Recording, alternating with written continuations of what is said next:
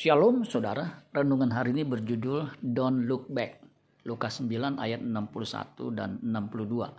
Dan seorang lain lagi berkata, Aku akan mengikut engkau Tuhan, tetapi izinkanlah aku pamitan dahulu dengan keluargaku. Tetapi Yesus berkata, setiap orang yang siap untuk membajak, tetapi menoleh ke belakang, tidak layak untuk kerajaan Allah. Terjemahan net mengatakan begini, Yet another said, I will follow you, Lord, but first let me say goodbye to my family. Jesus said to him, No one who puts his hand to the plow and looks back is fit for the kingdom of God. Ada seorang mau mengikuti Yesus, ia minta izin untuk pamitan lebih dahulu kepada keluarganya.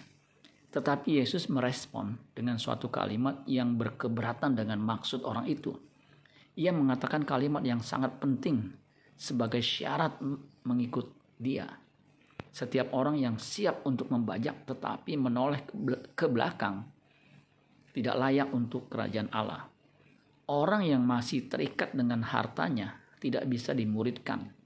Lukas 14 ayat 33. Demikian pula lah tiap-tiap orang di antara kamu yang tidak melepaskan dirinya dari segala miliknya tidak dapat menjadi muridku. Orang percaya tidak boleh terikat apa pun jika mau menjadi murid Kristus. Istri Lot gagal diselamatkan karena ia menoleh ke belakang. Lukas 17 ayat 32. Ingatlah akan istri Lot. Kejadian 19 ayat 26. Tetapi istri Lot berjalan mengikutinya, menoleh ke belakang, lalu menjadi tiang garam.